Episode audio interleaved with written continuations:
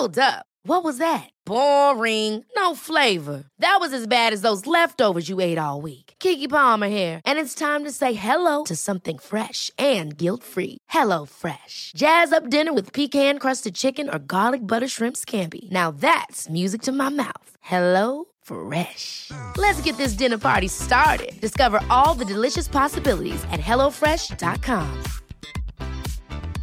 I'm Sandra, and I'm just the professional your small business was looking for. But you didn't hire me because you didn't use LinkedIn jobs. LinkedIn has professionals you can't find anywhere else, including those who aren't actively looking for a new job but might be open to the perfect role, like me.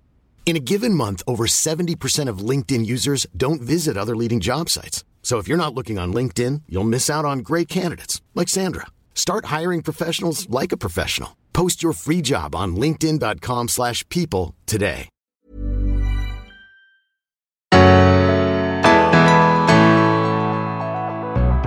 Hej och varmt välkomna till Berätta alltid det här. Jag heter Frida Boysen. Och jag heter Tilda Boysen. Dagens gäst levde drömlivet, hade ett fantastiskt jobb, hög inkomst, status och ett riktigt härligt socialt sammanhang. Men någonting var ändå inte rätt. En dag small det till i huvudet, högt. Och hon upplevde eh, känselbortfall i, i halva kroppen. Hon eh, hamnade på sjukhus, blev inlagd och läkaren spände ögonen i henne efter ett par dagar och sa Så du har inte planerat att leva så länge?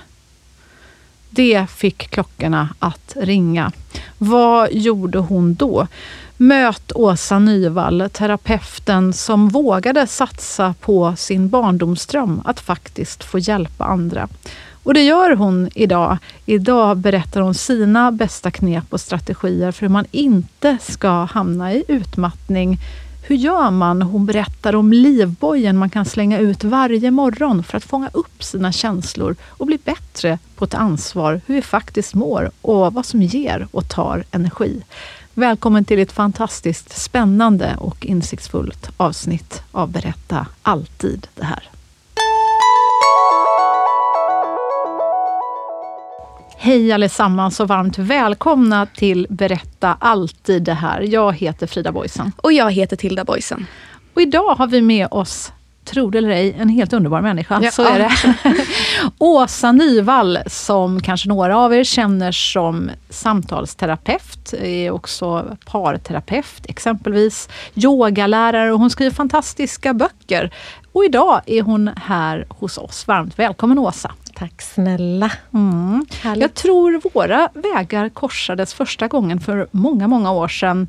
Jag var chefredaktör för Topphälsa Mm. och du eh, skrev en artikel som blev väldigt uppmärksammad. Jag tror jag blev så exalterad att jag ringde dig Det stämmer. och det berättade stämmer. att shit, nu är du på någonting väldigt, väldigt viktigt här Åsa. Mm. Eh, och så blev du bloggare hos oss också. Ja, det stämmer. Och vad kommer du ihåg? Kan du berätta för lyssnarna, vad var det för artikel? Det var en artikel som handlade om utmattningssyndrom, men som kanske hade ett litet annat perspektiv. För det var en artikel som var de här sakerna önskar jag att andra förstod att man upplever när man har drabbats av utmattningssyndrom. Eh, och jag tror att, att den blev så omtyckt var nog just för att jag lyckades att sätta ord på det som man kanske själv har svårt att sätta ord på när man är mitt i det. Så att den delades till vänner och kollegor och partners och den valsade runt eh, mycket.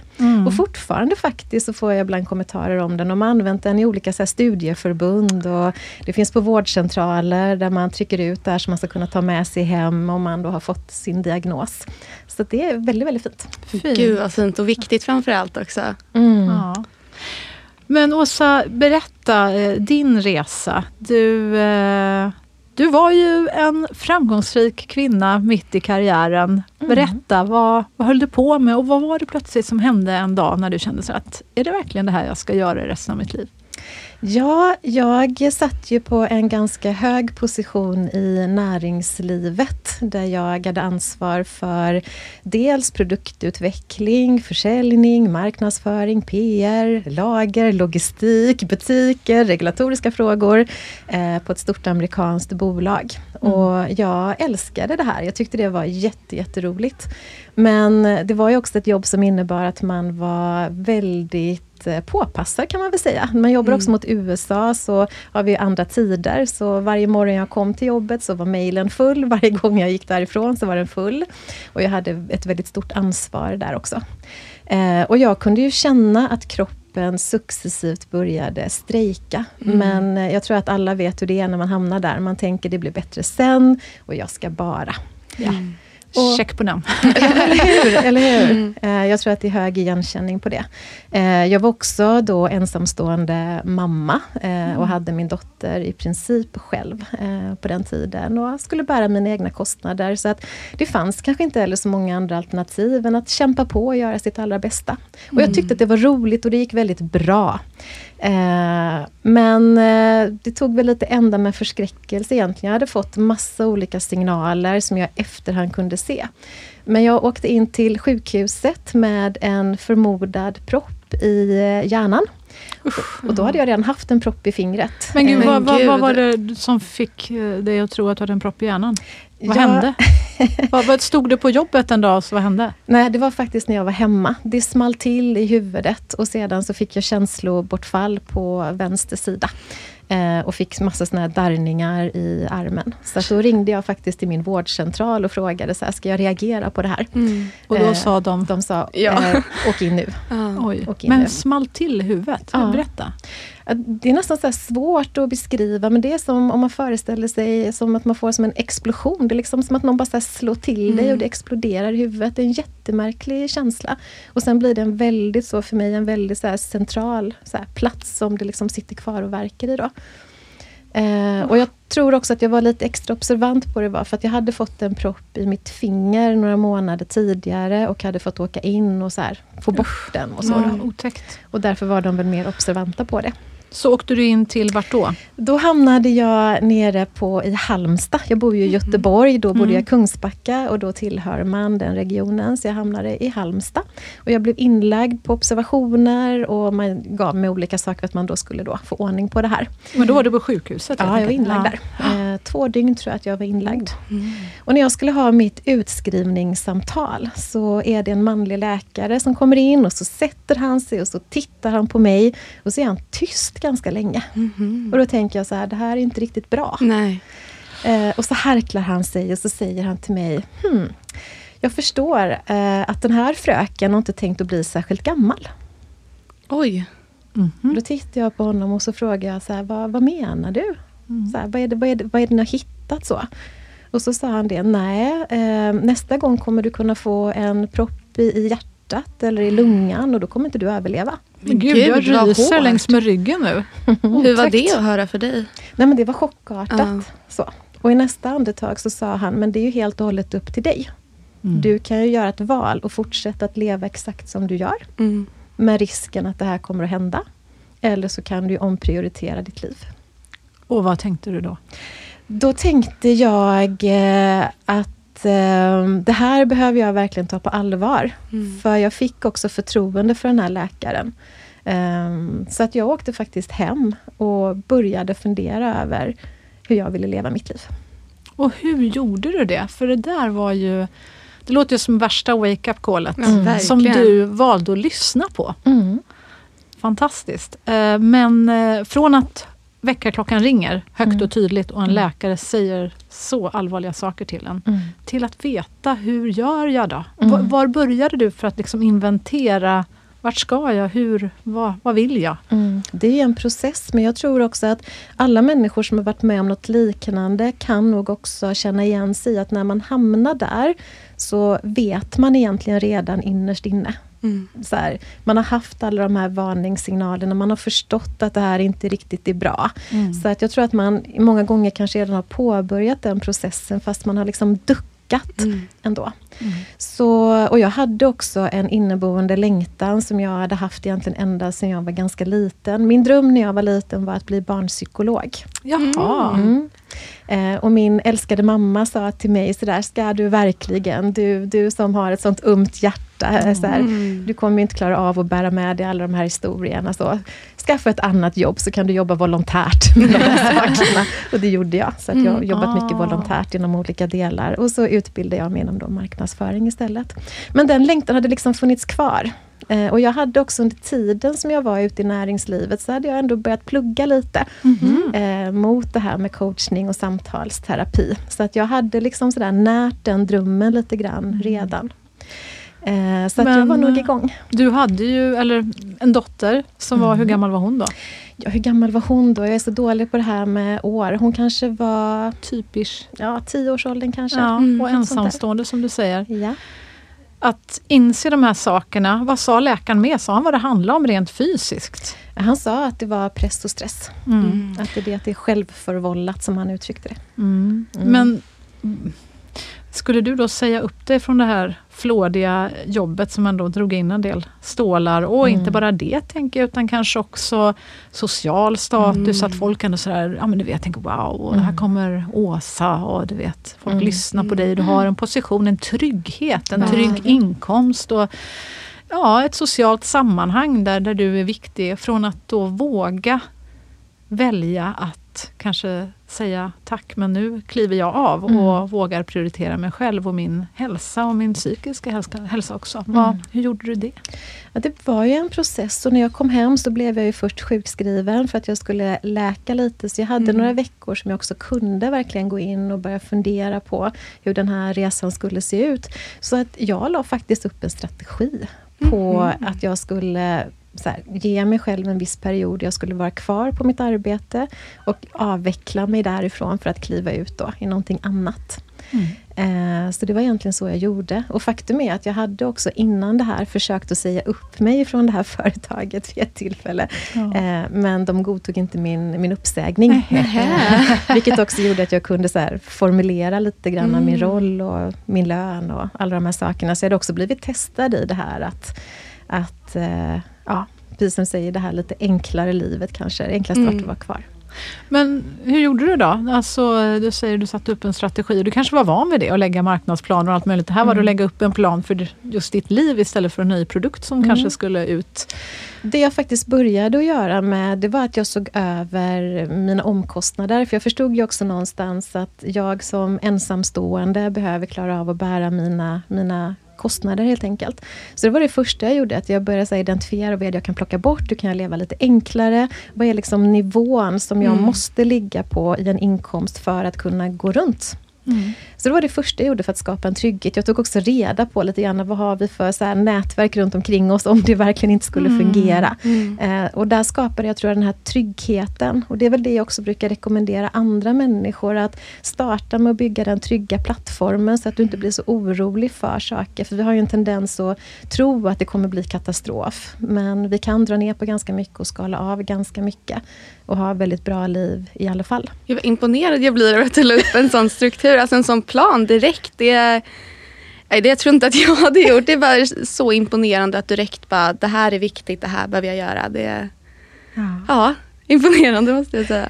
Eller också tänker jag att det kanske var så här, att det var dit jag kunde gå, mm. för att det mm. var så praktiskt genomförbart. Det här känslomässiga ja. kanske var svårare att ta tag i, att börja fundera på vad ska alla andra tycka och tänka och sådär. Mm. Det gick ju liksom in och mm. sådär, titta på kronor och öron och så ta bort abonnemang och mm. allting ja, men Jätteviktigt tips, tänker jag mm. till säkert flera som sitter och lyssnar just nu och är i kanske samma situation och tänker så här, men hur ska jag våga kliva av? Mm. Om man känner att nej, men det här livet funkar inte längre. Jag, jag fungerar inte här. Och jag pratade också med min dotter och sa det så här, nu kommer det ske förändringar så här. Mm. En del av den här guldkanten kommer bli mycket tunnare och hon var helt med på det.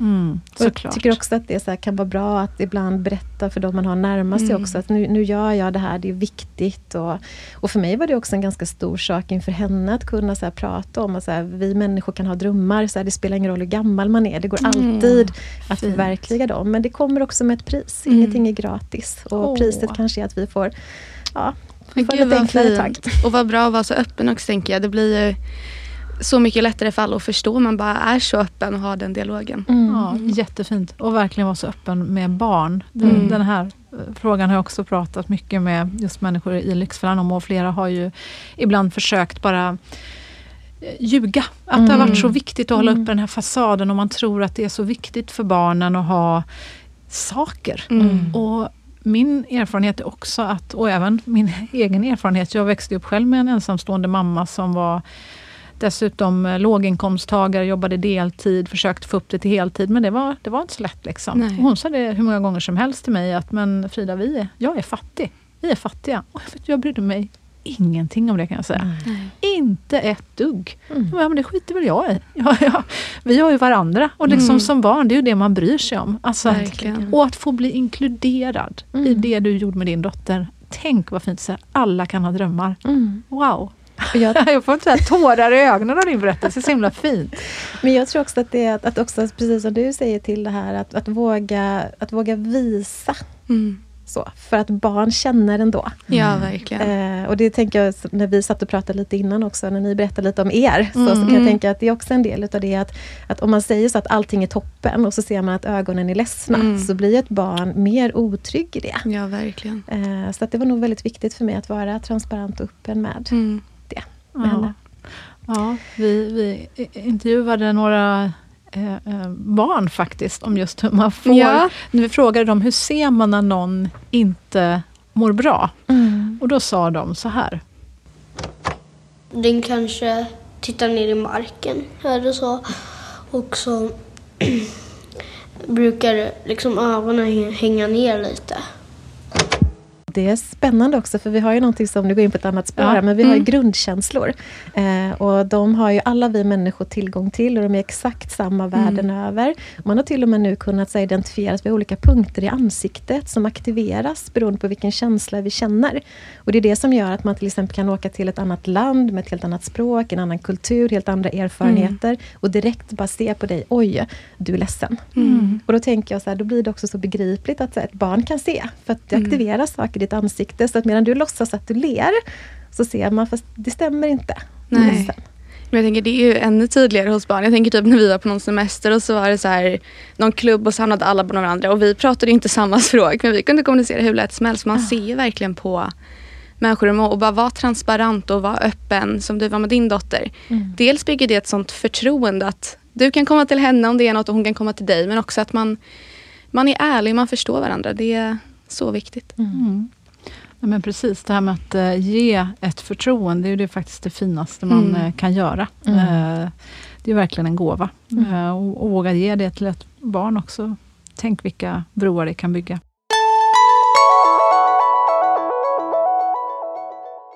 Sen då, vad, vad var steg två? Ja, det som jag hade gjort då parallellt under några år, det var att jag hade ju utbildat mig då också till coach och sedan då till samtalsterapeut. Och det jag gjorde nu under den här då strategin jag hade lagt upp, det var att jag pratade med min arbetsgivare och bad om att få gå ner i tid. Smart. Mm. Så du liksom gjorde en transition, så där, lite smart. Du hade kvar lite, du var inte sådär eh, 100% på en, från ena dagen till den andra, utan Nej. byggde upp det här. Och då gjorde jag så att på måndagar så började jag ta emot lite klienter. För jag behövde också få känna lite grann på hur känns det så? Eh, är det så givande som jag tror? Och kommer jag så här, är det mitt syfte? Kommer det här bli bra? Mm. Eh, Så att så startade det var mitt första steg. Så att egentligen så låg jag ju kvar i samma så arbetsbelastning, kanske till och med lite mer under en period. Eftersom man skulle sköta då sitt vanliga jobb på 100% på 80% kanske. Och så hade jag då det här andra. Men det som jag upptäckte som för mig blev så otroligt fantastiskt.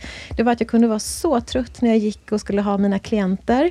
Och tänka så här, vad är det jag håller på med? Så här, jag kommer inte klara av det här. Och så flög jag därifrån när jag var klar.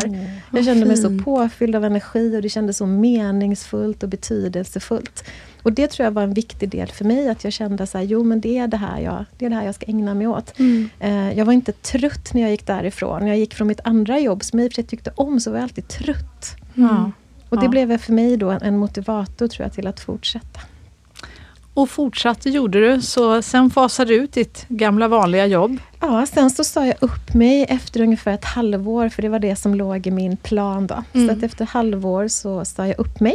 Eh, och då, jag kommer ihåg, det var sen i januari så klev jag ut eh, i ovissheten. Mm. Och då hade jag också bestämt mig för att jag skulle ge mig själv ett halvår. Mm. Att satsa på det här. Så att jag hade också försökt att liksom spara undan lite så att jag skulle klara mig ekonomiskt då. Eh, men det som har varit så fantastiskt är att från liksom första dagen som jag klev ut så har det, det har burit sig. Jag har kunnat plocka ut lön hela tiden. Fint. Men jag hade ändå den inställningen som jag tror var viktig. Det var också att jag var fullständigt orädd i att det, att så här, det, det skulle vara okej om det inte gick bra. Mm. Jag hade inte gett upp ändå för jag tänkte så, jag kan städa kontor eller jag kan flippa burgare eller jag vet inte, jag kan dela ut tidningar. Så. Det spelar ingen roll, Ja. jag tycker det är precis lika fint att göra det som att sitta i en hög position i näringslivet. Så. Jag ville så innerligt gärna få ägna mig åt det som är sant för mig i mitt hjärta. Ja. Och det var det jag Mm. bestämde mig för. Det var min motivator. var Att jag ville bara jobba utifrån mitt hjärta i goda fina energier. Och det gör ju att jag idag fortfarande tackar nej till extremt mycket så här, uppdrag som andra säger, det där borde du göra, det hade varit bra Mm. för dig. Men då känns det inte rätt i hjärtat.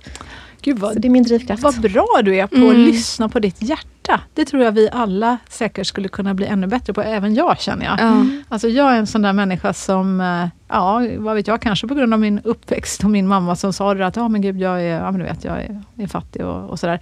Så jag, jag har aldrig varit så driven av pengar men, men det är klart eh, men man vill ju vara trygg samtidigt. Ja. Under pandemin så försvann typ alla mina uppdrag. Plötsligt hade man sådär noll spänn i månaden. Mm. Eh, och och jag, jag tänkte att ja, men det där kan ju hända. Plötsligt kanske det är, nej, det är ingen som är intresserad av vad jag har, att göra här på, på jordklotet.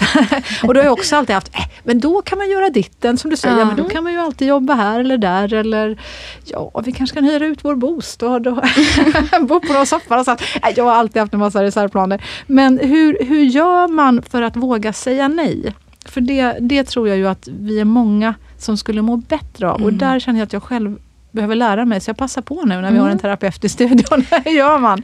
Jag brukar säga att vi ska fatta våra beslut på ett lite annorlunda sätt än vad vi är tränade på att göra. För vi är ju vana vid att vi får en förfrågan och så plockar vi upp det i hjärnan och så analyserar vi hur bra det här blir för oss. Mm. Utifrån massa olika förväntningar vi har på oss själva, normer och allting annat så. Jag brukar säga så att det första vi ska göra är att vi ska lyssna på vår magkänsla. För den, Mm. är, den kommer direkt. Du får en fråga och du känner i ögonblicket om det blir hurra eller om det blir hmm.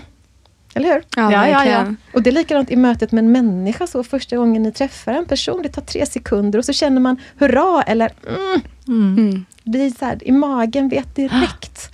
Om det är så här, ropar hurra, då kan vi gå upp till hjärtat och så stannar vi där en liten stund och så frågar vi oss själva, men blir det här bra för mig? Mm. Och blir det bra för de människorna jag älskar? Ja. Om det fortfarande är ja, då går vi upp och använder hjärnan och då kan vi lägga en tanke, en plan och en strategi. Är det så att magen säger nej, då behöver vi inte ens gå upp till hjärtat. Jaha, är det så enkelt alltså? ja, det låter ju svinenkelt. Eh, Jag tror att mitt problem är sådär att man ibland, eller jag då, eh, tänker kanske då ibland, ja, ja, jo. Inte jippi, utan ja, jo. Eh, och då, då ser man ju att den andra människan vill ju att jag ska säga Mm. jippi. Mm. Och då tänker jag, men jag kan nog klämma in det här. Det kan nog Ja. bli ett litet halvjippi i alla fall. Det, det är i alla fall inte bu. Och så är jag så himla positiv och så tänker jag alltid, ja men bu är det ju inte. Det är väl i alla fall lite kul. Och Men då om blir du- det ett ja, men det är klart man har 500 lite kul, det, då blir det inte så kul alltid. Men har det du något tips då? göra då, det är när du får nja, Ja. så, gå ända upp till hjärtat och så stanna där en liten stund och fråga dig själv, blir det här bra för mig? Mhm. Blir det bra för de människorna jag älskar? Ja. Eller hur? ja, gud vad bra. Ja, jag hoppas det är fler än jag som känner att det här var väldigt eh, användbart. Vad känner du till det? Ja men eh, det tycker jag absolut. Men jag, jag, jag tycker ändå att jag är ganska bra på det. Att det är, ja men just hur det känns. Att om det är, ja men vi säger att typ alla kompisar ska träffas eller någonting. Och man egentligen liksom, man vet att det ska vara kul och att det ska kännas bra. Men så känner jag bara, nej jag orkar inte. Det behöver inte vara något fel på dem. Jag känner att idag är ingen bra dag. Jag, det känns inte kul när jag tänker på det. Då brukar jag försöka, men respektera det så kan man inte alltid göra det. Om man liksom, men att man försöker tänka på, mår jag bra av det här, får jag energi av det här? Hur kommer det att bli? Eh, för att det, men det påverkar också så mycket hur man mår sen. Om man går på något och så mår man liksom inget bra, då blir det inget kul. Och att man försöker men prioritera det man mår bra av och som känns kul. För det märker jag att jag långsiktigt mår mycket bättre av. Mm. Men det kan jag också bli bättre på. Jag är inte någon expert. Men eh, jag försöker i alla fall ha det som ett grundläge och tänka på just det. Vad fint. Och, jag, och, och, förlåt, och sen, jag måste bara tillbaka mm. till din historia, för mm. du är ju... Du, det funkar ju. Ja. Det mm. funkar. Ja. Du har valt aktivt en ny riktning i ditt liv. Mm. Du är terapeuten, mm. samtalsterapeuten och, och coachen, mm. Åsa, som hjälper människor och som går från jobbet och känner dig inspirerad, mm. energirik, mm. påfylld, lycklig. Eh, vilken härlig resa. Vad sa din dotter förresten? Blev hon stolt över mamsen som Men Jag tror det. Jag ja. tror det. Eh, vi har ju en fantastisk relation, jag och min dotter. Vi är ju väldigt, väldigt tajta. Så mm. att, eh, hon kan säga det ibland. Det var några vänner till henne som jag tror hade sett något inlägg jag hade gjort på Instagram och så skrev de till henne så här, Åh, titta vad klokt och vad härligt och det här mm. berörde mig. Och då hade hon svarat så, ja, jag är inte jätteimponerad för det är, det är så jag är uppväxt här. Jag lever ju och andas det dagligen. Ja, jag tyckte att det var lite så härligt. Ja, verkligen. Sätt, att hon har fått med sig mycket av det i sitt liv. Mm. Men Åsa, sen tänker man ju då, och då var sagan komplett liksom. Men då hände det något igen. Då hände det något igen. Ja. Mm. Nej, men jag tänker, eh, hur, hur var det sen? Liksom? Ja. Mådde du bra? Fiolerna spelade och så liksom var det en, en, en dröm eh, och så vidare. Eller hände det någonting efter det? Ja, det gjorde det ju. Eh, och jag, jag, tror att alltså den här första tiden var ju verkligen så euforisk, men det ska mm. man också vara medveten om att när man kliver ut och ska driva eget, så är det väldigt svårt att inte jobba väldigt mycket mycket. Mm. Precis, mm. för att man, man vet liksom inte sådär, kommer uppdragen komma? Man är jätteglad för klienter som vill komma, men kommer att komma tillbaka. Så att det finns en risk här att man börjar ta på sig för mycket. Och risken blir ännu större när man tycker att allting är så vansinnigt roligt. Mm, allting är så stimulerande och härligt. Ja, ja. precis så. Och den tycker jag är lite så viktig att lyfta, för det som hände för mig då, det var att jag gick in då i min andra utmattning.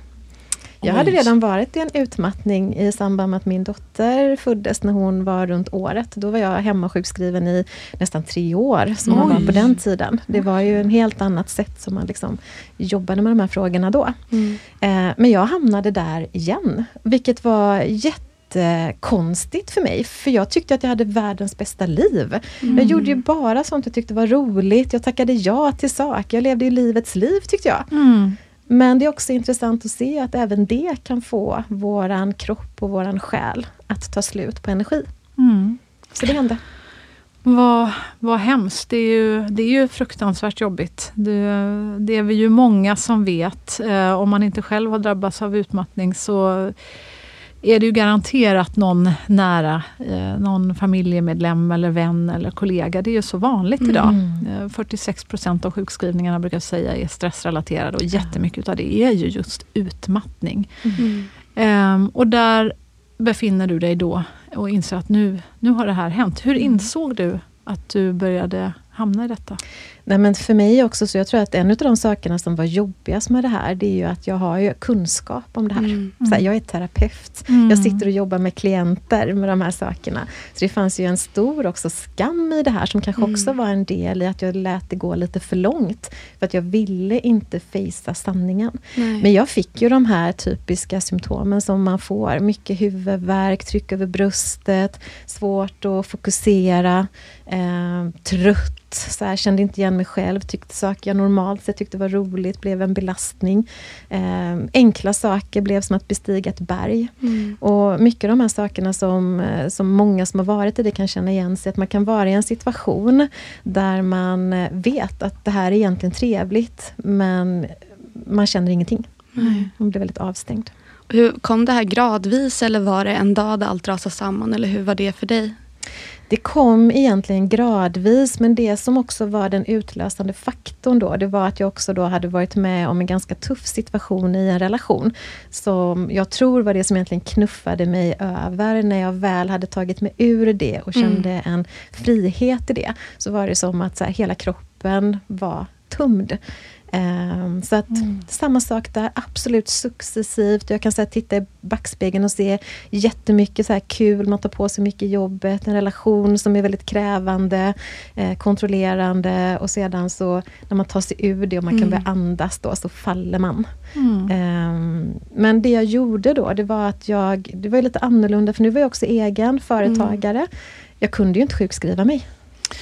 Det är ju hemskt det du tar upp. Jag, jag känner igen mig. Jag, jag driver ju e- eget uh, företag och, och, du Tilda, du håller precis på. Du liksom kommer ju ut från gymnasiet här nu och ska liksom ut i, i arbetslivet. Så du, uh, du är en nybörjare i den här världen. Men det är ju precis som du säger, det är ju mm. jättemånga svenskar som inte omfattas av det här trygga, fast anställning och mm. allt det där. Det, man, ibland tror man på något vis att alla har det så. Nej, mm. Vi har det inte så. Och det pratar vi så lite om. Och mm. det är såklart också en stress. Mm. Som du säger, att bära ett företag själv. Och mm. Kommer det att rulla på? Kommer det inte rulla på? Och vad händer? Har man ens råd att sjukskriva sig själv? Även om man känner att hjärtat bankar alldeles för fort, stressen, eh, svetten kommer. Mm. Och vad, vad gjorde du då när du kände att jag har inte råd att bli sjuk? Det är en frustration också för väldigt många som bryr sig om en säger ju det, du måste sjukskriva dig mm. och så mm. känner man så, ja jag förstår det men det går inte. Nej. Eh, därför att jag måste jobba för jag måste få in mina pengar. Och där fick jag göra så att jag återigen fick lägga någon form av strategi för hur ska jag få det här att fungera. Och det jag gjorde då, det var att jag la upp mitt arbete så att jag hela tiden hade pauser. Mm. För jag fick lägga märke till hur länge kunde jag hålla min närvaro och när var jag tvungen att pausa. Så initialt så såg mina dagar rätt annorlunda ut. Jag kanske jobbade två timmar och sen så fick jag så vila i tre och så fick jag jobba i två timmar och så fick jag vila och så fick jag sitta och skriva eller vad jag gjorde då. Så att eh, det var så jag sakta men säkert började ta mig tillbaka. Och Det är faktiskt lite så jag fortfarande lever idag. För idag lever jag ett väldigt intensivt liv. Mm. Eh, kors och tvärs, hit och dit och gör väldigt många roliga saker och älskar att säga ja till, till saker som känns kul. Men idag har jag också ett verktyg som gör att jag kan vara 100% säker på att jag kommer hålla Mm. Åh, berätta, dela med dig. Ja. Vad är det för verktyg? Ja, och det här tycker jag är så fantastiskt när man förstår det här. Det är att det vi människor behöver lära oss att förstå, det är hur vi fyller på vår energi och vad det är som tar vår energi. Mm. Och när vi kan det så kan vi hela tiden fylla på innan batteriet tar slut. Och jag brukar ta den här liknelsen, vi alla går ju runt med våra mobiltelefoner och vi har örnkoll på när vi måste ladda den. Mm. Eller hur? Ja, ja. Och ingen av oss blir förvånad om vi har 3% och samtalet tar slut. Liksom. Utan vi fattar det, nej men batteriet är slut, nu funkar inte det längre. Ja. Och vi behöver ha lite samma förhållningssätt till oss själva. Vi behöver lära känna våra egna energinivåer.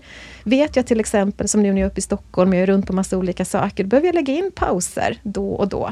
För att där laddar jag mitt energi så att jag sen kan gå ut fulladdad i nästa projekt. Mm. Och hur gör vi för att känna igen eh, ja, men kanske lite varningsklockor på vad det är som tar energi. För Det mm. kan vara lite svårt om man bara tänker rätt upp och ner. Liksom. Man ska granska allt. Vad är en bra, men en bra strategi för att inse och kunna komma fram till vad det är som tar energi och vad som ger energi? Jätteglad att du ställer den frågan. Tackar, tackar. För det är olika delar, men det första som jag ofta möter när man pratar om det här, det är att vi direkt börjar tänka på återhämtning. Mm. Och återhämtning och energi är inte samma sak. Nej. Vi behöver alla människor återhämtning på olika sak, men vi har olika sätt att fylla vår energi på. Så att det man kan börja med att bli nyfiken på, det jag börjar fundera på först, är jag introvert eller extrovert? Ja. Är jag en person som laddar mitt batteri i, när jag är själv, eller är jag en person som laddar mitt batteri i gemenskap gemenskap med andra människor. Mm. Där har vi jättemycket svar. Jag är introvert, även om jag alltid, alla tror att jag är extrovert för att jag är så runt överallt och mm. tycker om att stå på scener och prata och ha mig sådär. Eh, gillar det sociala sammanhanget, men jag tappar min energi där. Mm. Och då behöver jag alltid se till att jag har utrymme för att vara själv. Åker jag tåg till exempel nu så sitter jag alltid antingen i en tyst kupé eller på ett ensamt säte. Mm. Och jag jobbar aldrig när jag åker tåg. Då fyller jag på med min energi. Så kan jag gå rakt in i ett möte till exempel. Mm. Är man istället extrovert så kanske man vill sitta bredvid någon och samtala eller sitta och jobba eller så här, mm. göra roliga saker. Då fyller man på med sin energi. Så det kan vara den första saken, att börja bli nyfiken på det. Och enda sättet att lära sig att förstå det här, det är ju faktiskt att så stanna upp och lägga märke till om jag går in i ett sammanhang med mycket människor, har jag mer energi när jag går ut eller har jag mindre energi när jag går ut? Mm. Och Det är det här vi också behöver förstå, att, så här, att, att hitta sin energinivå har ingenting med hälsa att göra, ingenting med återhämtning att göra, inte någonting med vad som är roligt. Utan vi behöver lära känna vår egen kropp. Mm. Men det är en träningssak, för det enda vi har tränat oss på, från det att vi egentligen är små, det är att lägga bort våra signaler. Vi har allting vi behöver i oss själva, hela vår kropp är full utav signaler. Känslorna vi pratade om tidigare, det är vägvisare för vad vi behöver. Mm. Så här, de ignorerar vi, eller hur? Mm. Det som vi pratar om nu, så här, hela vår kropp talar om så. Precis som så här, bilbatteriet, det talar om för dig. Men du har stängt av ditt eget sätt att så här, förstå det. Mm. Så när jag jobbar med klienter med det här så är jag ganska besvärlig. De får gå ut och träna sig helt Mhm. enkelt. Gud vad spännande. Ja, verkligen. Och jag tycker det här du säger med att det är skillnad på återhämtning och fylla på energin. Det är ju jättebra för jag tror att många, inklusive jag, de flesta gånger tänker att det går lite hand i hand. Att ja, nu är jag trött, nu känner jag mig liksom, ja men då, jag ligger liksom minus, ja men då går jag hem och vilar typ, eller chillar. Att man inte liksom hittar det som laddar på istället. Jag, jag satt här och lyssnade på det och sen kunde inte bestämma är, är jag, jag är väl extrovert, men jag är såklart, ibland vet man har gjort massa extroverta grejer som man egentligen tycker är verkligen 100% jippi. Men det är klart, när man gör den tionde grejen på raken, då börjar jag också bara känna, nu, nu börjar det ta slut inne i min kropp. Jag börjar bli helt tom här inne. Och jag, då behöver jag absolut det där tomma tågsättet som du pratar om. Och det tycker jag också, tycker om att du säger det. För att ofta så här, i våran värld så är det lite normativt att vara extrovert. Det är det vi så här, eftersträvar lite grann. Eh, men en person som är extrovert, om du till exempel är det, så har du ett jättebehov som alla andra av att ibland vara själv. Att kanske sitta en stund i meditation eller vad det nu kan vara. Och ditt sätt att kunna göra det är ju att du är påfylld av ditt extroverta. Ja. Jag som istället är introvert, så jag fyller ju på i de stunderna och då behöver jag göra det för att sen kunna gå ut i de här sociala sammanhangen. Och det missar vi också ganska ofta så att en extrovert person behöver ju vara i stillhet. Det är då du hittar dina inre svar. Det är då du kan lägga märke till hur saker och ting påverkar dig. Precis som jag som en introvert behöver det sociala sammanhanget. Så det är egentligen bara igen så att hitta balansen i det. En annan sak jag kommer att tänka på när du säger det här med att eh, ja, men du pratar om hur du copade egentligen med att inse att shit, nu börjar jag drabbas av utmattningssyndrom här egentligen och jag behöver hitta ett sätt att kunna fortsätta jobba men ändå vara hållbar och ta mycket pauser och så vidare. Jag tänker att det finns väldigt många i vårt land som är i den verkligheten just nu säkert. Vad har du för, för bästa tips om man är kanske som du säger egenföretagare eller för den delen är ute i arbetslivet men vill helst kunna fortsätta jobba på något vis. Hur gör man? Har, har du något konkret tips för att kunna hitta det här lugnet? Jag tror att det, alltså det första är att hitta acceptansen i att man är där man är. Det är oftast det som är det svåraste, att ha så mycket självrespekt att man kan säga till sig själv att nu är jag faktiskt här, nu behöver jag ta ansvar för mitt mående. Det är oftast det svåraste, för vi är jätteduktiga på att hitta ursäkter för varför det är så just nu. Men att äga sin situation, det är liksom grunden till allting. Och sen är min rekommendation att, precis det som vi har pratat om nu, att börja fylla på sin energi. Att bli nyfiken på hur ser min rytm ut? För det är också olika för olika människor. Eh, jag som har tränat mig mycket på det här vet ju när jag behöver pausa och när jag kan gå in i intensitet och pausa. Men jag tror väldigt mycket på att sluta tänka på att det ordnar sig sen. Jag ska bara, jag ska bara. Utan börja nu. Om du är trött nu så kommer det inte hjälpa att du bokar en spa-weekend till helgen. Så här, för det är nu du är trött. Att faktiskt här, våga lyssna på kroppen och ta ansvar för det. Och eh, Jag har själv en övning som jag gör varje morgon. Som är också en av mina livbojar. Som gör att jag kan vara säker på att jag kommer inte så här, dra på för hårt, men jag kommer inte heller fega ut. För det behöver vi också tänka på, att ibland så säger magkänslan ja, och så går vi upp och så här, börjar vi så här, tveka, för det kanske blir obekvämt, eller jobbigt, eller läskigt. Och så hör vi oss plötsligt säga nej i alla fall. Ibland behöver vi liksom i vår så här, tuffa kärlek mot oss själva säga, jag får göra det i alla fall. Även om det känns jobbigt och besvärligt, eller varit skönast att ligga hemma. Åh, men berätta om den här Ja, livbojen, väldigt den vill man höra. Ja, Den är faktiskt egentligen väldigt, väldigt enkel. Men det är också så här, i början är det svårt för att vi är otränade. Det jag gör, det är att jag startar varje morgon med att sluta mina ögon. Och så frågar jag mig själv, hur är det att vara jag idag? Hur känns det i min kropp? Vad är det för tankar jag bär på? Vilken känsla är starkast i mig? Och det man gör när man har fångat det, Ja. det är att då frågar man sig själv utifrån det jag nu har hittat, utifrån hur jag mår. Vad är det jag behöver? Mm. Och vad kan det vara? Ja, hur vet man det? Ja, det är precis det här vi behöver träna oss på. Mm. Vi kan till exempel säga så att man vaknar på morgonen och så känner jag så, oj jag känner mig, jag känner mig trött, jag har ont i huvudet. Och då har jag identifierat det och då kan jag fråga mig själv, vad är det jag behöver? Mm. Och det är här som vi behöver börja träna oss då. För att det vi vanligtvis gör, så, det är att vi kanske tar en kaffe, drar i oss en Panodil och så kör vi på som yeah. vanligt. Och så är vi jätteförvånade nästa morgon när vi vaknar och så frågar vi oss själva, hur mår vi? Jag är trött, jag har huvudvärk. Eller hur? Mm. Eh, när vi stannar upp i det här så kanske vi kommer fram till så, jag har ont i huvudet, så vad är det jag behöver då? Jag kanske behöver just vila. Jag kanske är trött. Så. Mm. Och då får jag ju, så för nästa fråga blir, hur kan jag ta ansvar för mitt behov redan idag? Mm, då. Den gillar jag. Mm, redan idag. och då kanske svaret blir, om jag vet att jag är trött, då kanske jag inte kan ställa in hela min dag. Men jag kan ta med mig det in i min dag. Jag kan välja att gå lite långsammare. Mm. Om jag är på en arbetsplats så kanske jag bestämmer mig för att inte äta lunch i lunchmatsalen. Jag kanske sätter mig själv på en bänk. Jag kanske bestämmer mig för att inte gå och träna ikväll, utan jag kanske gör någonting annat. Så att jag låter det få följa med mig. Mm. Och sen så blir tricket då nästa dag, när jag sätter mig i samma stund. Om jag fortfarande känner mm. att jag är trött och ont i huvudet, så svarade jag ju fel på frågan vad mitt behov var. Mm. Jag var mm. troligtvis inte trött och behövde vila och ta det lugnt, för det gav ingen effekt. Och då får jag prova någonting annat, när det kanske är så att jag egentligen är uttråkad.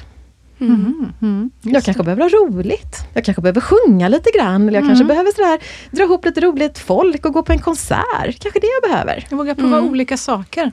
Och inte det... göra den här hackspettgrejen, att man gör om och om igen samma sak och så nej. tänker man, nej. Mm. Och det som är så fint med det, till slut så kommer du så känna skillnad på din huvudvärk och din trötthet. Mm. Och då kommer du till slut veta så här, hmm, aha, idag behöver jag ha lite roligt. Då får jag ta bort tvätttiden och ringa en kompis.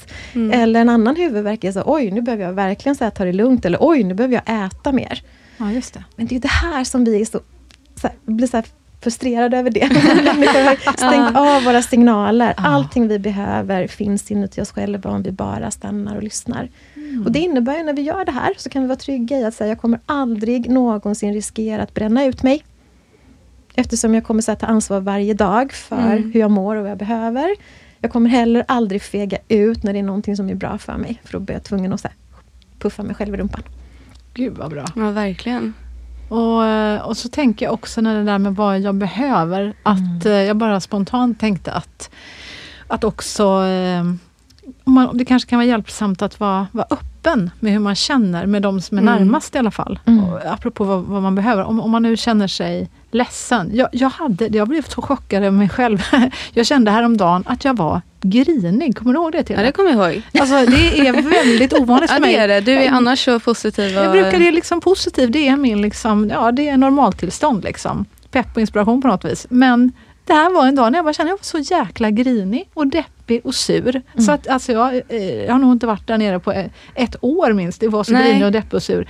Men då sa jag det i alla fall och var tydlig till dig och Tilda och min kära make och sa så här, jag är hemskt ledsen men jag, jag är så grinig idag. Jag vet inte vad det är med mig. Jag mm. är jag, jag känner mig sur för en gång Jag vet mm. knappt vad det handlar om. Eh, men, men jag vill bara säga det och förlåt om jag är grinig och sur och odräglig idag. Jag, jag, jag är bara det idag, förlåt. Eh, mm. men så vet ni det. Så att, ta inte åt er för mycket. Och det, det blev hjälpsamt för att um, men min man var, var sådär snäll och, och sa, nej men jag, jag, ska inte ta det här med dig idag Frida, men imorgon kanske vi kan prata lite grann om, om vad det nu var, om det var något skolsamtal vi skulle ta, jag kommer inte ihåg ens vad det var. Men, men liksom bara att han flaggade, att han förstod. Och vi behöver inte ta det här idag, men jag ska bara säga att imorgon kan vi prata om den här grejen som vi behöver lösa. Mm. Och det, det, blev, det hjälpte mig jättemycket att, att faktiskt involvera de människorna runt omkring mig. Att, Förlåt, men mm. idag är det faktiskt en sån här jäkla skitdag för mig. Mm. Och då blir man ju direkt lite gladare. Mm. Uh, så det, det är tips från mig i alla fall, som jag fångar upp ifrån det du skickar mm. till mig nu. Att att våga be om hjälp också, mm. när man känner det där, att det är någonting som inte är riktigt bra. Nej, och alla dagar kan ju inte vara bra heller. Nej, det är, liksom, det är att vara människa. Jag menar, det blir så mycket bättre när man bara säger det. Alltså när du sa det till mig, så jag ja, det blir bra. Och så liksom klappar man och är lite extra gullig och lite snäll. Och så blir det förhoppningsvis lite lättare och lite bättre att alla man kan tänka på det och man kan visa att man älskar och bryr sig om någon. Mm. Ja, och det jag gillar med det också, det är att det är ett sätt att ta ansvar för sina egna känslor och så behöver andra människor inte gå in och ta ansvar för dem. Nej. Nej. Eller hur? För det är också någonting vi behöver träna oss på. Sådär. Att bara för att jag är sur så behöver inte min omgivning bli det heller. Nej, för vi går gärna in och tar över de känslorna. Och det är inte heller ditt ansvar att få mig att bli glad. Men jag kan be dig om att hjälpa mig att bli glad. Mm. Men jag kan också be dig om att låta mig få vara sur. Ja, ja. Men har du något mer sånt där fantastiskt användbart tips som vi alla kan ta med oss? Att vi, om vi inte är i utmattning nu eller om vi kanske kämpar på vägen upp ur, någonting som kan hjälpa till, någon annan livboj vi kan slänga ut där ute. Jag har en, en sak och den är kanske är lite svårare och lite större. Men jag förespråkar att vi kliver in i ett rum och istället för att fundera på vad är det alla andra människor behöver ifrån mig? Vad- Vem är det jag behöver vara för att jag ska vara omtyckt? Istället kliver in i det här rummet och funderar på hur blir det här för mig? Vad är det jag behöver för att det här ska bli bra? Mm. För en av de sakerna som jag tycker är kanske en av våra så största så pandemier vi har just nu, det är den här viljan av att vara omtyckt av alla. Eh, jag träffar jättemånga människor som tror att man har, bär på en överkänslighet, när man egentligen bara blivit väldigt inkännande för att man så Mm. gärna vill få vara omtyckt. Vi behöver jobba väldigt mycket mer med vår självkänsla. Att vi är mer inifrån styrda än utifrån styrda. Det ska inte spela någon roll. Jag brukar säga många gånger till mina klienter och även till vänner, så här, påminna så här, bara så du vet, du har samma värde innan du kliver ut på scenen som dagen när du kliver av. Mm. Jag kan också känna mig sårbar för, för att inte få kärlek och uppskattning. Och Jag vet inte vad du säger, det- jag kanske är som är- de flesta andra, är det helt onormalt eller? Nej, det är helt normalt. Jag tror att alla kan känna igen sig i det. För vi har ju en sån längtan efter att få känna oss värdefulla, sedda och älskade. Och det tycker jag att vi kan hjälpas åt med där ute, att vara bjussiga. Jag brukar ofta säga Ja, så. Alltså en annan människas framgång är inte en indikation på att det går dåligt för dig. Nej. Utan så här, lyft varandra, säg det som ni tycker om hos varandra. Så här, det är jättefint att göra Ja, det. Det tror jag många vill bli bättre på. Alltså, Ja. Ah. Många är så snåla på något sätt med just att ge kärlek och ge ja, men komplimanger eller likes eller vad det kan nu vara. Det skadar liksom inte en själv att vara lite extra trevlig, att säga ha en bra dag. Alltså, att man bara går ett extra steg för det gör alla runt omkring en lite gladare förmodligen och liksom allt känns lite lättare. Och det är också så, jag hade en, en klient för några år sedan som verkligen väckte det i mig, som berättade om en händelse som precis handlade om det här. Eh, Där han sa att det finns en kvinna, en okänd kvinna för honom som har räddat hans liv.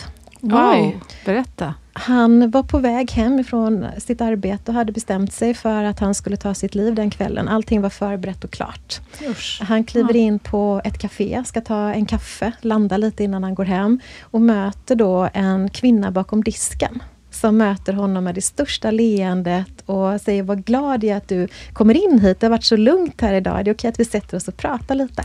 Men Gud, wow, jag ryser. Åh, Och det mötet med den här kvinnan som egentligen bara handlade om att han fick känna sig sedd, att han hade en plats, att, att, han, att någon såg honom, gjorde att han valde att fortsätta att leva. Gud, Så att vi ska verkligen, verkligen så vara medvetna om att vi har ingen aning om vad människor där ute går runt och bär på. Den människan som har det bredaste leendet kan vara den som gråter mest inuti. Så att så här, var bjussiga. Det Mm. kostar så himla lite att vara vänlig mot andra människor. Och man får faktiskt tusenfalt tillbaka. så är det. Vilka otroligt fina ord, Mm. Åsa. Eh, ja, med, med det sagt, eh, tiden går fort ser jag när man Ja. har roligt och den springer bara iväg. Åsa, är det, jag tycker de här var o, Ja, fantastiska verkligen. avslutningsord. Eh, men är det någonting mer du vill skicka med våra eh, underbara lyssnare innan vi skiljs åt för denna gång? Mm, det sista jag vill, vill säga till alla där ute, det är att jag önskar att ni förstår ert värde. Eh, att du är värdefull och du är värd att få göra precis de förändringarna som krävs för att du ska vara lycklig. Eh, det tycker jag är viktigt. Det är ett av mina mission i livet. Jag brukar säga att det är mitt syfte, allting jag ägnar mig åt, det är att jag vill att människor ska förstå hur värdefulla de är. Gud, vad För det är faktiskt ord. bara när man förstår det som man börjar ta ansvar för sitt eget liv och går för sina drömmar. Gud vad fint. Oh, wow. Tusen tack Åsa för att du skickar med oss de underbara orden. Ja, verkligen. Och till alla eh, där ute, till just dig som lyssnar. Du är värdefull, verkligen 100 procent. Vi är så tacksamma att du lyssnar på podden och vi Mm. är tacksamma att du finns. Eh, om du tyckte att det här samtalet var givande, om du vill sprida Åsas viktiga ord vidare, så gör gärna det. Tipsa eh, vidare om det här avsnittet eh, till vänner som du bryr dig om. Och testar du några övningar eller idéer du fick med dig här så får ni gärna dela dem och tagga oss. Får vi se hur det gick för er. Hur det gick med livbojen. Ja. Vad var det egentligen som, eh, som ger och tar energi Mm. och, och vad kan du ta ansvar för, för att få den där energinivån att öka? Det ska vi öva oss på. Spännande. Tack Åsa igen och tack du som lyssnar. Ta hand om dig.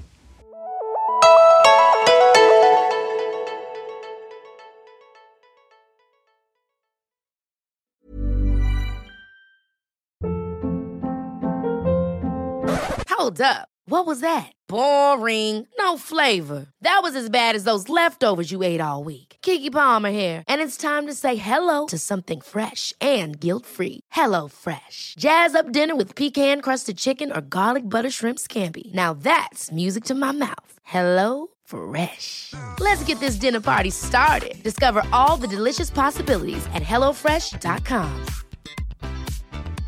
Want to get a chiseled look in the jawline? Sculpt and shape your jawline with added volume from Juvederm Volux XC. Juvederm Volux XC is an injectable gel specifically designed to be robust enough to improve moderate to severe loss of jawline definition. And it is the first and only hyaluronic acid filler approved for the jawline. Add volume to your jawline for a chiseled look with Juvederm Volux XC. For important safety information and to find a licensed specialist, visit juvederm.com. That's J U V E D E R M.com. Not for people with severe allergic reactions, allergies to lidocaine, or the proteins used in Juvederm. Common side effects include injection site redness, swelling, pain, tenderness, firmness, lumps, bumps, bruising, discoloration, or itching. There's a risk of unintentional injection into a blood vessel, which can cause vision abnormalities, blindness, stroke, temporary scabs, or scarring. Talk to a licensed specialist to find out if it's right for you. Visit juvederm.com. That's J U V E D E R M.com.